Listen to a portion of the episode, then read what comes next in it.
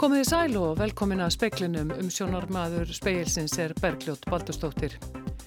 40 miljardum króna munar á heldara afkomu ríkisjóðs til hins verra frá nýjustu hagspá til þeirra sem fjármála áætlun var byggð á.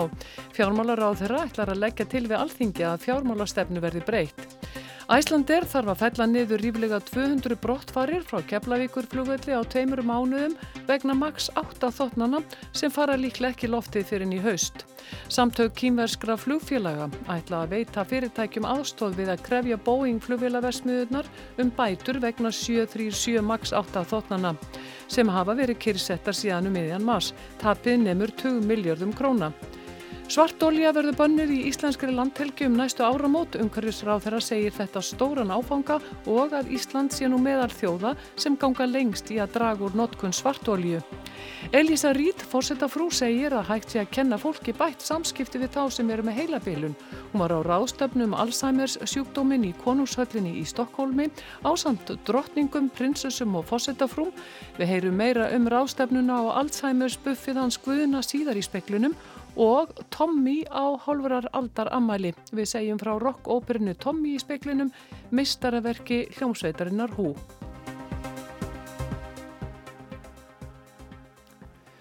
Bjarni Benediktsson, fjármálar á þeirra, ætlar að leggja fram á alltingi tillögum að breyta fjármálastefnu ríkistjórnarinnar því nýjustu hagspár, spá samdrætti í efnagslífinu og nýjasta fjármála áallun sem er ósamþygt á alltingi var gerð þegar enn var spáð hagvexti.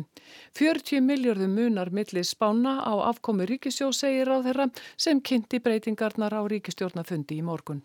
Á fundunum að þá kynnti ég áform um að leggja fyrir þingið tillögu um uh, breytingar á fjármálastefnunni þannig að við tökum til endurskoðunar áform okkar um afkomu ofinbæra fjármála á næstu árum. Það er einfallega þannig að uh, það munar um það byl 40 uh, miljardum á heildar afkomunu fyrir ríkisjóð á nýjustu hagspáni og þeim sem við áður byggðum á. Og þetta kallar á viðbröð, við munum þurfum að grípa til ákveðina rástafana og uh, gefa eftir áform um mikla og góða afkomu á ríkisjóði en samt sem áður eh, er stemt að því að ríkisfjármálinn verði í jafnvægi. Saði Bjarni Bendiktsson. Síðar umræðum þriðja orkupakkan stendur enn á allþingi en þingfundur hófst klukkan hálf fjögur. Þingmenn miðflokksins eru þeir einu sem taka þátt í umræðinni en hafa minkað andsvör til að koma á móts við óskir fósetta allþingis sem byðilaði til þeirra um að takmarka ræðuhöld. Ekkert likur fyrir um það hvenar síðari umræðu muni ljúka. Æslandir þarf að endurskipuleggja leiðakerfi sitt í þriðja sinn vegna maks 8 þótana sem fara líklega ekki loftið fyrir ný haust. Bóji Níls Bóðarsson, fórstjóri Æslandir Grúp, segir að flugfélagi þurfa að fella niður ríflega 200 brottfarir frá Keflavíkur flugvelli á tveimur mánuðum vegna þessa flestum til Evrópu. Miða við eh, fyrri áallanir þá er þetta um 5% breyting eða, eða fækkun á, á sætum á þessu tímabili Þannig að það er raunni, þessi mingun sem við erum að horfa á. En við erum samt að horfa á 10% aukningu hjá okkur á milli ára á þessi tímanbili. En hvað er þetta að kosta flugfélagið? Það liggur ekki alveg fyrir en þetta kostar talsvert. Þetta er bæði kostnar og tapaða tekjur og við að sjálfsögurum að taka það allt saman saman og erum í viðræðan við framlegandan, Boeing, um að við ætlum að fá þetta bætt. En þetta hlýtur að hlaupa á miljörðum? Eh, ég ætla ekki að fara að nefna einar tölur núna en þetta kostar talsvett. Þetta voru nýju vélar sem við ætlum að vera með í rekstir í sumar og erum búin að leia vélar í staðinn, stærri vélar, þannig að við hefum minkað eh, áhrifin talsvett. Þannig að við erum ekki alveg að ná að brúa bilið en næstu því. Bói sagði Bói Níls Bógason og Hólmfríður Dagni Fríðánsdóttir talaði við hann. Kýmversk flugfélag hafa tapað 20 miljardum króna vegna Boeing 737 MAX 8 þótana sem ekki hafa mátt fljúa síðan um miðjan mars. Kýmversk samtök félagana ætla að aðstóða þau við að krefja framleiðandanum bætur vegna skadans. 13 kynversk flugfélag eru í samtökunum. Allar MAX 8 þótur þeirra, 96 talsins, voru kyrsettar 11. mars, degi eftir að þóta af þeirri gerð fórst í Eþjópíuskömmu eftir flugtak.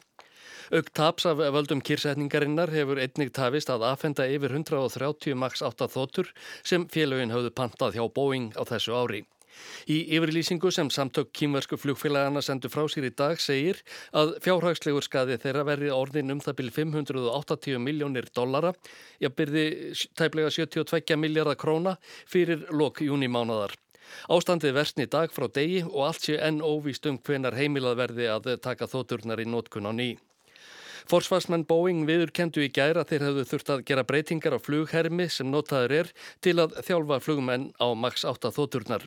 Til dæmis var ekki hægt að æfa aðstæður eins og þær sem sköpuðust þegar þótur fórust í Indonésiu í oktober í fyrra og í Eþjópíu í mars. Bandariska flugmálastofnunin greindi frá því í gær að enn væri nokkuð í að þóturnar fengju að fljúa á ný.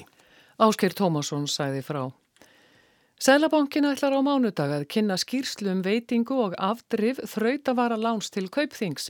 Þetta kemur fram í tilkynningu á vefbankans. Skýrslan hefur verið í vinslu frá árinu 2015. Útgáfinnar hefur ítrekkað verið frestað. Lánið sem veitt var 7. oktober 2008, sama dag og neyðarlögin voru samþygt, nam 500 miljónum evra sem þá námu um 70 miljardum króna. Lánið var veitt eftir símtal Geirs Horte, þárendi fórsættisráð þeirra og og Davís Oddssonar sem var Sælabankastjóri. Lánu var veitt gegn veði í danska FIH bankanum Þegar að Sælabankin veitti lánið taldi hann sig að hafa fengið fullvissu fyrir því hjá Sælabanka Danmerkur að veðið væri tröst en annað kom á daginn. Sælabanki Íslands seldi FIH bankan og þá kom í ljós að tap Sælabanka Íslands vegna þrautavara lánsins namn 35 miljardum íslenskara króna. Þrýr sjúklingar hafi verið greindir með nær alónæmar bakteríur á landsbítalanum í mæ. Það eru Carbapenemasa myndandi þarmabakteríur E. coli og Klebsiella sem eru ónæmar fyrir nær öllum síklarlefjum og eru ein mesta ógnin við líðheilsu í heiminum. Á landsbítala gelda stránga reglur um skimun fyrir slíkum bakteríum og einangrun sjúklinga sem greinast með þær. Á vef landsbítalan segir að því miður sé mikil aðsókn krafa um hraða afgreyslu og þrengsli á viðkvæmum stöðum á sjúkrahúsinu eins og til dæmis á bráðamóttökunni og mjög erfitt að einangra sjúklinga á viðunandi hátt. Við slíkar aðstæður sé mikil hætta á dreifingu bakteríja á milli einstaklinga og í umhverfið. Ísafja var í fullum rétti að stöðva flugvél ALC flugvélaleigunar fyrir gjaldtróð VAR og nótana sem tryggingu fyrir greiðslu þeirra gjalda sem flugfélagi skuldaði Ísafja. Þetta er niðurstaða landsréttar sem staðfest í dag úrskur hér að stómsa Reykjavíkur. Flugvélinn hefur verið bitbein ALC og Ísafja síðan váer var gjaldþróta. Talsmenn ALC töldu Ísafja ganga of langt með því að kyrsetja vélina og krefja skreðslu notendagjalda fyrir allar flugvélar váer. Landsréttu staðfesti hins vegar úrskur hérastóms Reykjavíkur um að Ísafja mætti nota flugvélina sem tryggingu fyrir greiðslu. Domstólinn tók þó ekki afstöð til þess hvort að Ísafja ætti kröf á ALC um að fyrirtækið greiði skuldir váer við Ísafja eða hversu stóran hluta þeirra þyrta greiða. Otur Ástráðsson, annar lögmanna ALC, segir að næstu skref síðan nú til skoðunar. Verið er að yfirfara úrskurðin og skoða möguleika á að óska kæruleifis til hæstaréttar. Hann segir að úrskurðin komi mjög óvart og valdi miklum vanbröðum. Brynjólfur Þór Guimundsson sæði frá. Stemt er að því að afgreða frumvarpum innflutning á fersku kjöti út úr atvinnuvega nefnda á þriðjúdag. Lilja Rafnei Magnúsdóttir, framsögumæður nefndarinnar, segir að nefndin hafi rætt frumvarpið í dag og ákveðið að skoða máli betur fram yfir helgi. Ætlunin sé að koma með breytingartillögur og þingsálíktunartillögu sem nefndin mun flytja samhliða málinu. Lilja Rafnei segir að nefndin hafi ennfremi skert á áður gerðri aðgerðar áætlun sem fari í gangi kjölfar þess að þessi lög taka gildi. Sú aðgerðar áallun miði að því að standa þéttu bakið á íslenskum landbúnaði í þeirri samkefni sem framundan sé. Þau hafi sérstaklega skoðað atriði er varði hættu á útbreyslu síkla, livja og næmira bakterja og segir Lilja Rafnei að þar verði stór breyting á. Hún vil ekki segja nánar í hverju breytingarnar felist.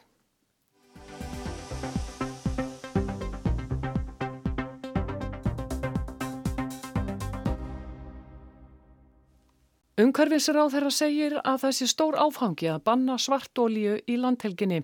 Með því að stíga þetta skref sé Ísland meðal þjóða sem ganga lengst í þessu málum. Frá áramótum er stemt að notkun svartólíu verði bönnuð í landhelginni. Ungverðisráðara kynnti í dag reglugjör sem banna notkunni skipa á svartólju í Íslenskri landhelgi. Frestu til að skila umsögnum um hana rennur út 7. júni og gertir áð fyrir hún gangi í gildum áramótin. Guðmundur Ingi Guðbrandsson, ungverðis og auðlindar á þeirra lítur á þetta sem stóran áfanga. Já, ég gerir það. Þetta er stór áfangi því að losa okkur við svartólju hérðan úr landhelginu og úr fjörðum og flóum við Íslandstrendur. Breytingarnar hveð á um að brennisteins innihaldi skipaóljum á ekki verið yfir 0,10%, mörki núna eru sangand reglugerð og alþjóðastöðlum 3,5%. Þetta á fyrst og fremst við svo kalla svartólju. 2017 voru nótu 74.000 tonn af henni hér við land eða ólja sem var keift hér. Brennisteins innihald hennar var á bylnu 0,64 upp í 1,94%. Nú verða mörkin 0,10% í landhelginni. Sem að þýðir það að e, það er e, mjög erfitt að nota svartolíu því að hún hefur mun herra brennisteins innihald. Í reglugjörn er líka hveð áum að ekki megi notu ólju með meir en 0,5% af brennesteins innihaldi í efnagslöksjóni. Svo breyting er breyting á heimsvísu sem samþygt var á vettváki alþjóða siglingamálastofnunarinnar og tekur gildi líka um næstu áramót. Þannig að þetta er stór áfangi og við erum að ganga langt í þessum málum ef við miðum okkur við nágrannaríkin. Það eru nokkur svæði annar staðar eins og Norðursjórin og við strendur Amríku, eitthvað í Kína ef ég er að skilja þetta rétt, sem að er að gera svipaðar kröfur eða sömu kröfur og við erum að, að, að leggja til þarna í þessum draugum að reglugera breytingu. Þannig að ég held að við séum að stíga það skrefa verða með þeim fremst í heiminum þegar að kemur að þessum málum. Í stjórnarsáttmálanum segir að stemt skula því að banna svartólu í efnagslöksu Íslands sem eðast við 200 mílur til að grefjast 0,10% af brennisteins innihalds í olju verður að koma upp svo kvöldu ekasvæði sem þarf samþykja alþjóða siglingamálastofnarinnar. Guðmundur Ingi segir að stefna ríkistjórnarinnar séða mestu komin í höfn með fyrirhugum breytingum. Við göngum eins langt og við getum innan landhelginar og síðan tekur við það sem eftir er af efnahagslöksugunni þar á að setja þessa prósendu nýr í 0,5 samkvæmt alþjóða samningum sem við erum skuldbundin af.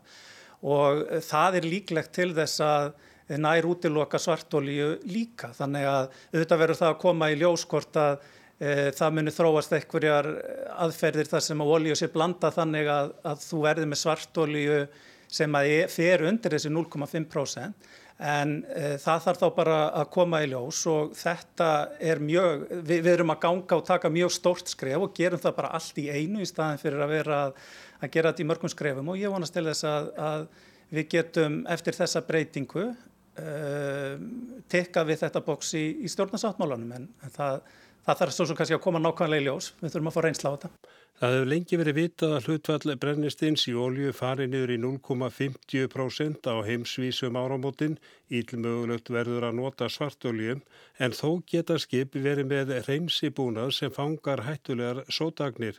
Í speiklunum hefur komið fram að tíu stóri tórar nota svartoljum sem eru með 30% ódýrar en dísilolja. Líka skip, íslensku skipafélag nota bæði dísilolju eða skipolju og svartolju, svo nota sum skemmtiverðarskip þessa olju. Já þessi aðgerð beinist náttúrulega fyrst og fremst að því að um, stöðla bættum loftgæðum uh, við Íslands strendur. Þetta beinist náttúrulega að því að það verði til minna sót við brennslu oljunar sem að margir benda á að þegar að það leggst á á snjóa þá efli það gróðrúsa áhrif og þetta beinist náttúrulega líka því að reyna að hvetja til þess að það verði teknar upp um, umhverfisvætni um, oljur eða, eða aðferðir við að knýja skipin fram. Þannig að fyrst og fremst beinist það að því. Um, þetta mun náttúrulega hins vegar hafa í för með sér að skipin þurfa að, að breyta um, um olju þau sem að eru að nota svartolí í dag en það eru svo sem ekkert nærið í öll skip sem að gera það. Alþjóða siglingamála stopnunin hefur sett fram það markmið að skipaflótin dræjum helmingur og oljunótkun fyrir árið 2050. Það kallar á talsverða breytingar meðal annars að skip verði knúin áfram með nýjum orkugjöfum eins og til dæmis vettniða ramagni. Normin eru þegar byrjar að vinna sangant þessar í stefnu. Það er gríðarlega mikilvægt að við náum að í góðu samráði við flotan eða, eða öll skip, hvort sem að það eru ferjur eða, eða fiskiskip eða hvaða það er, að ná árangri því að draga frekar og losum gróðrús og lofttegunda frá þeim. Og þar hefur allþjóðag siglingamálastofnunin sett sér ákveðin markmið til 2050 sem að ég tel mikilvægt að við horfum á og ég hef í, í hyggju að, að kalla þessa aðila bráðlega til mig til þess að byrja að ræða þau skref, hvernig getum við í sammenningu ráðist í það stóra og mikilvæga verkefni að e, breyta um e, það hvernig eldsneiti notað á fiskiskipaflottan okkar. Það er gríðarlega mikilvægt og stórt skref í loftslagsmálunum. Þetta var Guðmundur Ingi Guðbrandsson, Arnar Pál Haugsson talaði við hann. Ekki muna allir eftir því að fyrsta buffið hans Guðna T.H. Jóhannessonar var Alzheimer's buff. Elisa Rít, fórsetta frú og verndari íslensku Alzheimer's samtakana, var að koma af ráðstefnum heilabilun í Svíþjóð. Ráðstefnan var haldin í konungshöllinni í Stokkólmi og hanna sóttu drottningar, prinsessur, fórsetta frúr og sérfræðingar í heilabilun.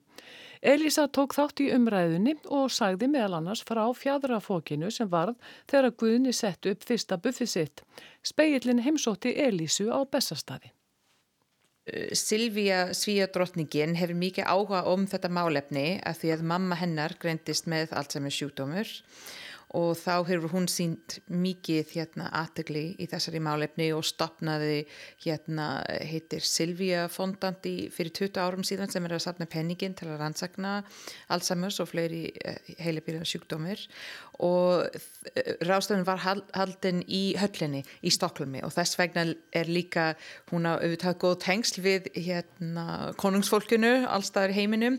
Og fólk sem voru þar er tengt einhvern veginn við heilabílun og, og þetta málefni. Þá var hérna prinsessuna Sofía hérna tengdodóttir Silvíu drotningin þar líka fyrir næsta kynslu að taka við Svo var líka prinsessa frá Japan, það var fórstafrú Chili og það var ég og ég er vendari allsami samtökin hér á Íslandi. Og þetta var mjög áhugavert og lætumstrykt rástefna og ég, ég er núna komin heim fyllt af punktur og hugmyndin sem ég reyna að deila og alltaf hitta fólki hérna, allsami samtökinu og, og víðar til að spjalla um það sem ég læriði þar.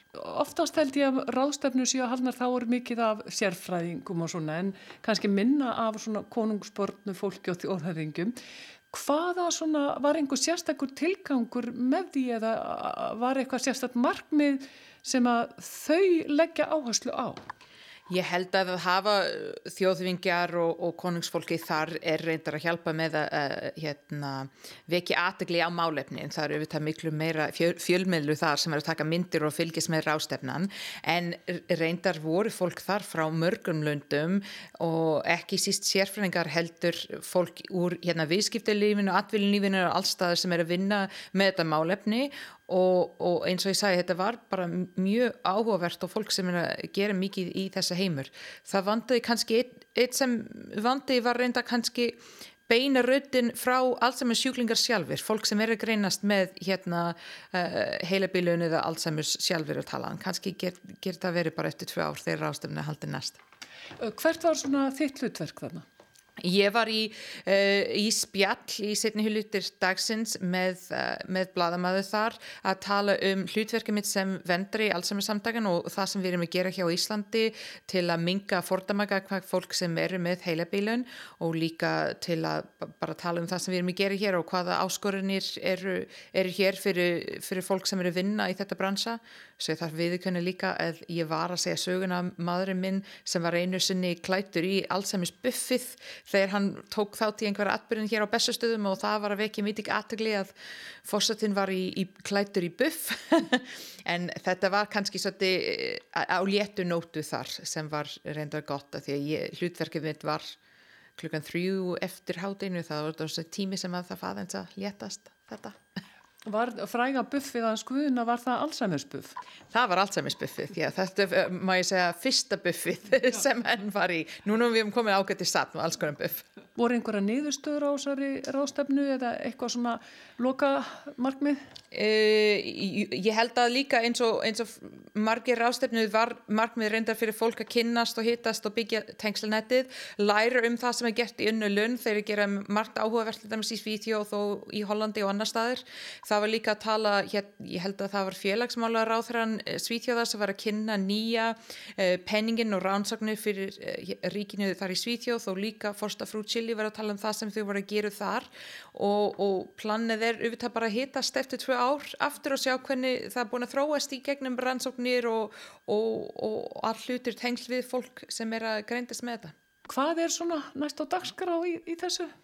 Í þess að fyrir Alzheimer's samtökun það er, ég held að það sé búið núna fyrir sumarið í hérna í Alzheimer's kaffið allavega en ég ætla að hitast hérna formaður samtakana og fara yfir það sem ég var, ég var að læra út í Svíþjóð. Að, þetta var áhugavert fyrir mig það hjálpar engin ef ég held að þetta upplýsingar bara fyrir sjálfa mig. Og ég ætla bara að hita þegar ég kom með nokkru hugmyndin og sjálfsög ef það er einhver nýja hugmyndir eða e, nýja atbyrðin eða einhvað sem þau vil byrja með hér þá er ég alltaf til til að hjálpa með þetta. Máttu segja eitthvað svona því þessum punkt með svona hvað er þér efst í huga þessar hugmyndir sem þú ert með í framhald að þessu?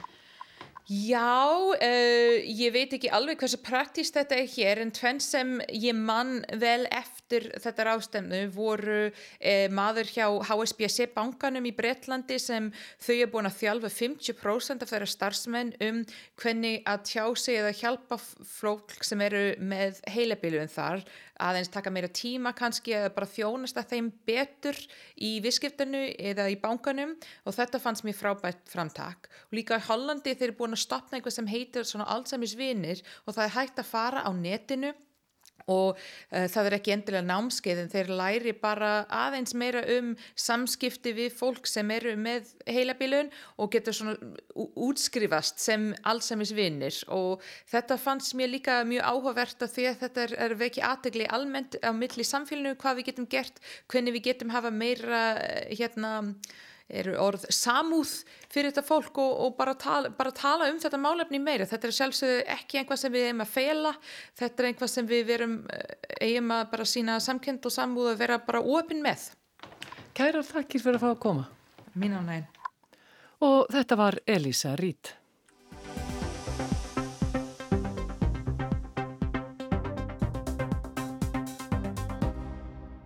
50 ár voru í gær liðin frá því að rock-óperan Tommy með hljómsveitinni Who kom út í Breitlandi. Fastu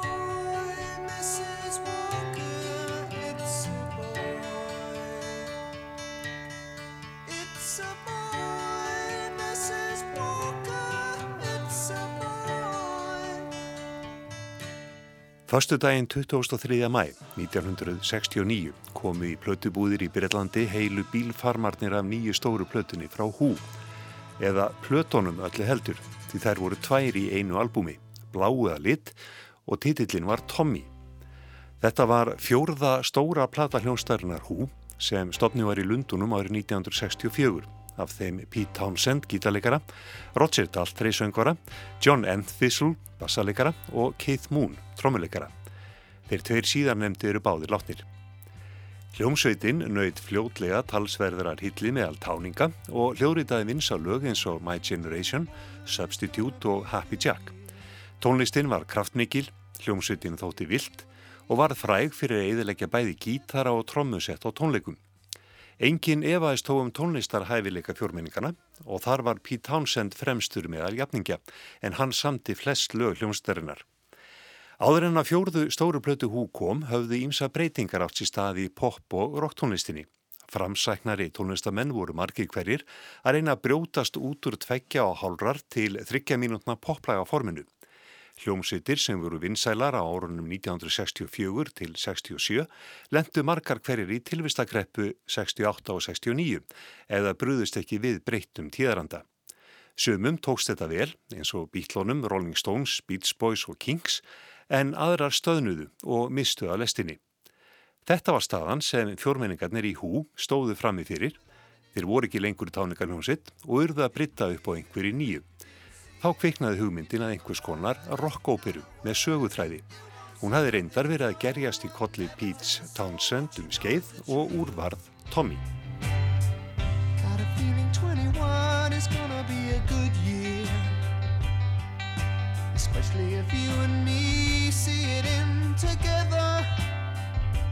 Sagan þótti algjör síra á sínum tíma. Ungur drengur er heilað þegin á móðu sinni eftir að orði vittni að hörmungar atbyrði innan fjölskyldunar.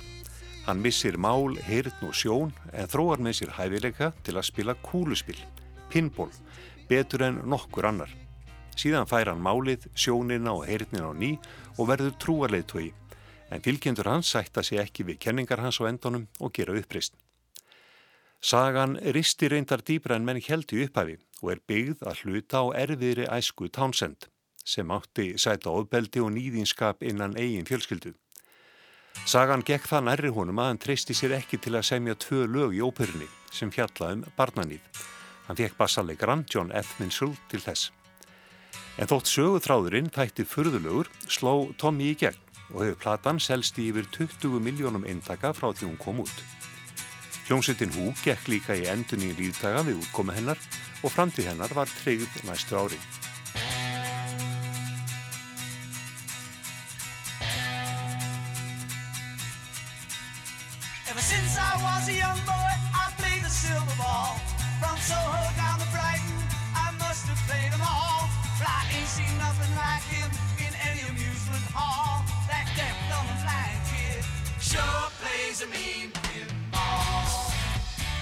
Tommy þykir í dag kannski ekki alveg eins mikið mestaraverk og þegar hún kom út.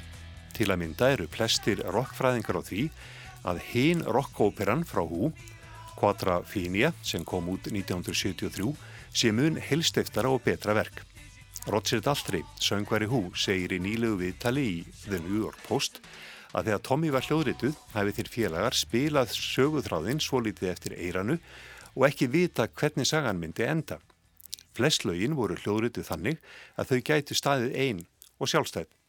Það var til þess að tvö þekktustu lög óperunar, Pinball Wizard og See Me Feel Me, höfðuðu mjög stert til ungs fólks sem var í uppreist gegn ríkjandi gildum í einu vestrana heimi á þessum tíma. Rockóperan Tommy hafi mikil áhrif á aðra tónlistamenn í rockinu og svo kallar konceptplötur plötur sem fjöldluðum eitthvert eitt efni og eða runnu saman í eina held urðum sinn mjög algengar.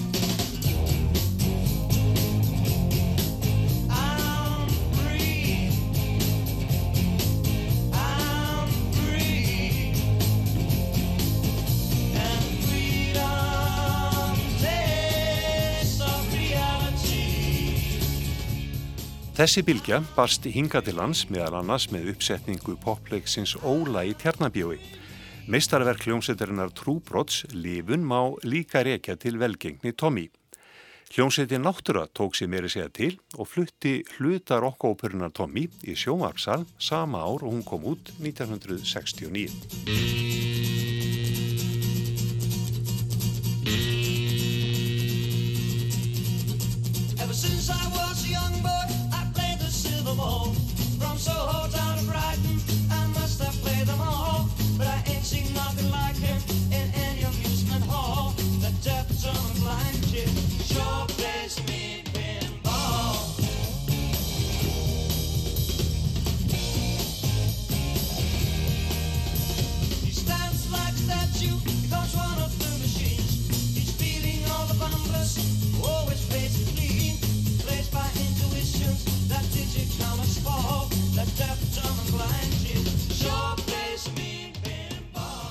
Þetta er hljómsveitir Náttúra með Jónas R. Jónasson, Jónsson, Jónasson sem forsöngvara að flytja Pinball Wizard árið 1969. Kristján Sigur Jónsson sæði frá 50 ára ammæli rockóperunar Tommy.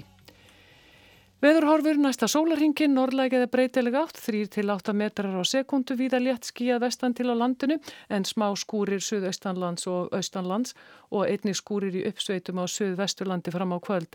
Austlægari á morgun, skíjað með köplum og smá skúrir en létt skíjað við breyðafjörð á vestfjörðum og norðurlandi, hitti 8-14 stig á morgun en svalar á austanlands. Og það var helst í speklinum að 40 miljardum króna munar á heldar afkomi ríkisjós til eins verra frá nýjustu hagspá til þeirra sem fjármála áætlun var byggð á. Fjármálar á þeirra ætlar að leggja til við alþingi að fjármála stefnu verði breytt. Æslandir þarf að fælla niður yfirlega 200 brottfarir frá Keflavíkur flugvalli á tveimur mánuðum vegna maks 8 þótana sem fara líklega ekki loftið fyrir nýju haust. Og samtök kýmverskara flugfélaga ætlar að veita fyrirtækjunum ástofið að krefja Boeing flugvélaversmiðunar um bætur vegna 737 makstótana. Svartólíja verður bannuð í íslenskri landhelgjum næstu áramót. Á þeirra segir þetta stóran áfanga og að Ísland sé nú meðal þjóðarsenganga lengst í að draga út notkun svartólíu. Það er ekki fleiri speklinum. Tæknum aður var Davíð Bernsen. Verðið stæl.